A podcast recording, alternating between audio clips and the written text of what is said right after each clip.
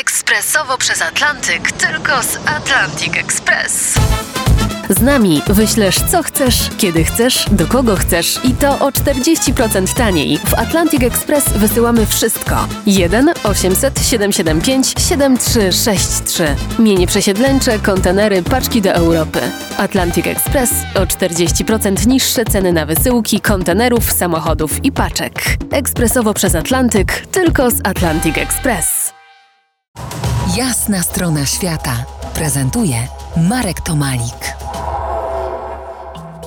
Dziś w moich opowieściach, w Dzień Wszystkich Świętych, wędrówka po cmentarzach innych niż wszystkie. No właśnie, wszystkich świętych. Po tym, co Wam opowiem za chwilę, wydaje się, że nie wszyscy święci. Bielsko-Biała, moje miasto, nekropolia w samym centrum tego miasta, a jakby jej nie było. Małymi krokami garstka wolontariuszy przywraca odebraną jej twarz.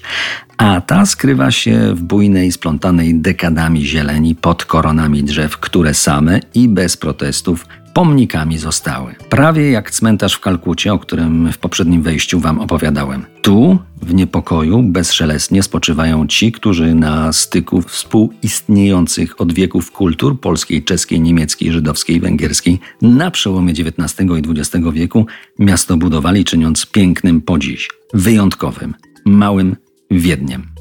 Aleja zasłużonych mieści burmistrzów, przemysłodawców, działaczy społecznych i innych miastu oddanych.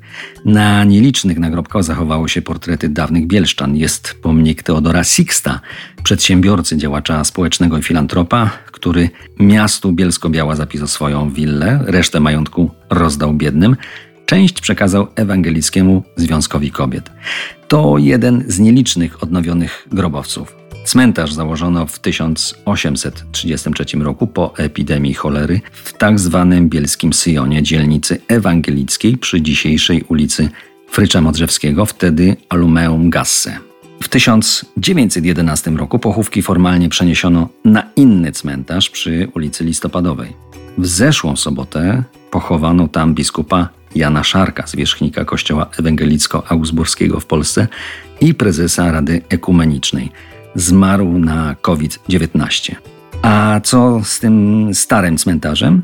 Ten stary pustoszał, obracał się w niepamięć. Od końca wojny po 1945 roku był grabiony i niszczony. Komunistyczne władze domagały się usunięcia niemieckojęzycznych nagrobków.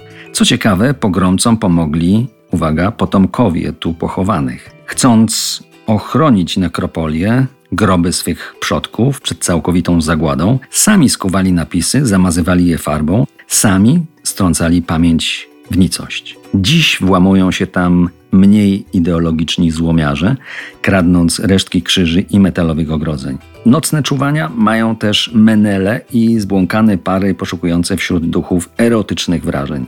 No cóż, mamy XXI wiek, wiek zmian wszelakich, także w systemie pamięci i wartości. Uważam, że bezczeszczenie grobów jest gorsze od napaści na bezbronnych. Ciche im przyzwalanie jest oznaką słabości, sięga najniższych instynktów i chyba nie powinno być nawet komentowane, za co już teraz Was przepraszam.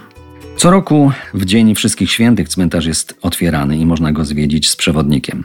Nie wiem, jak będzie w tym roku, chyba bez przewodnika i chyba nie chcę wiedzieć. To jest jasna strona świata w RMS Classic.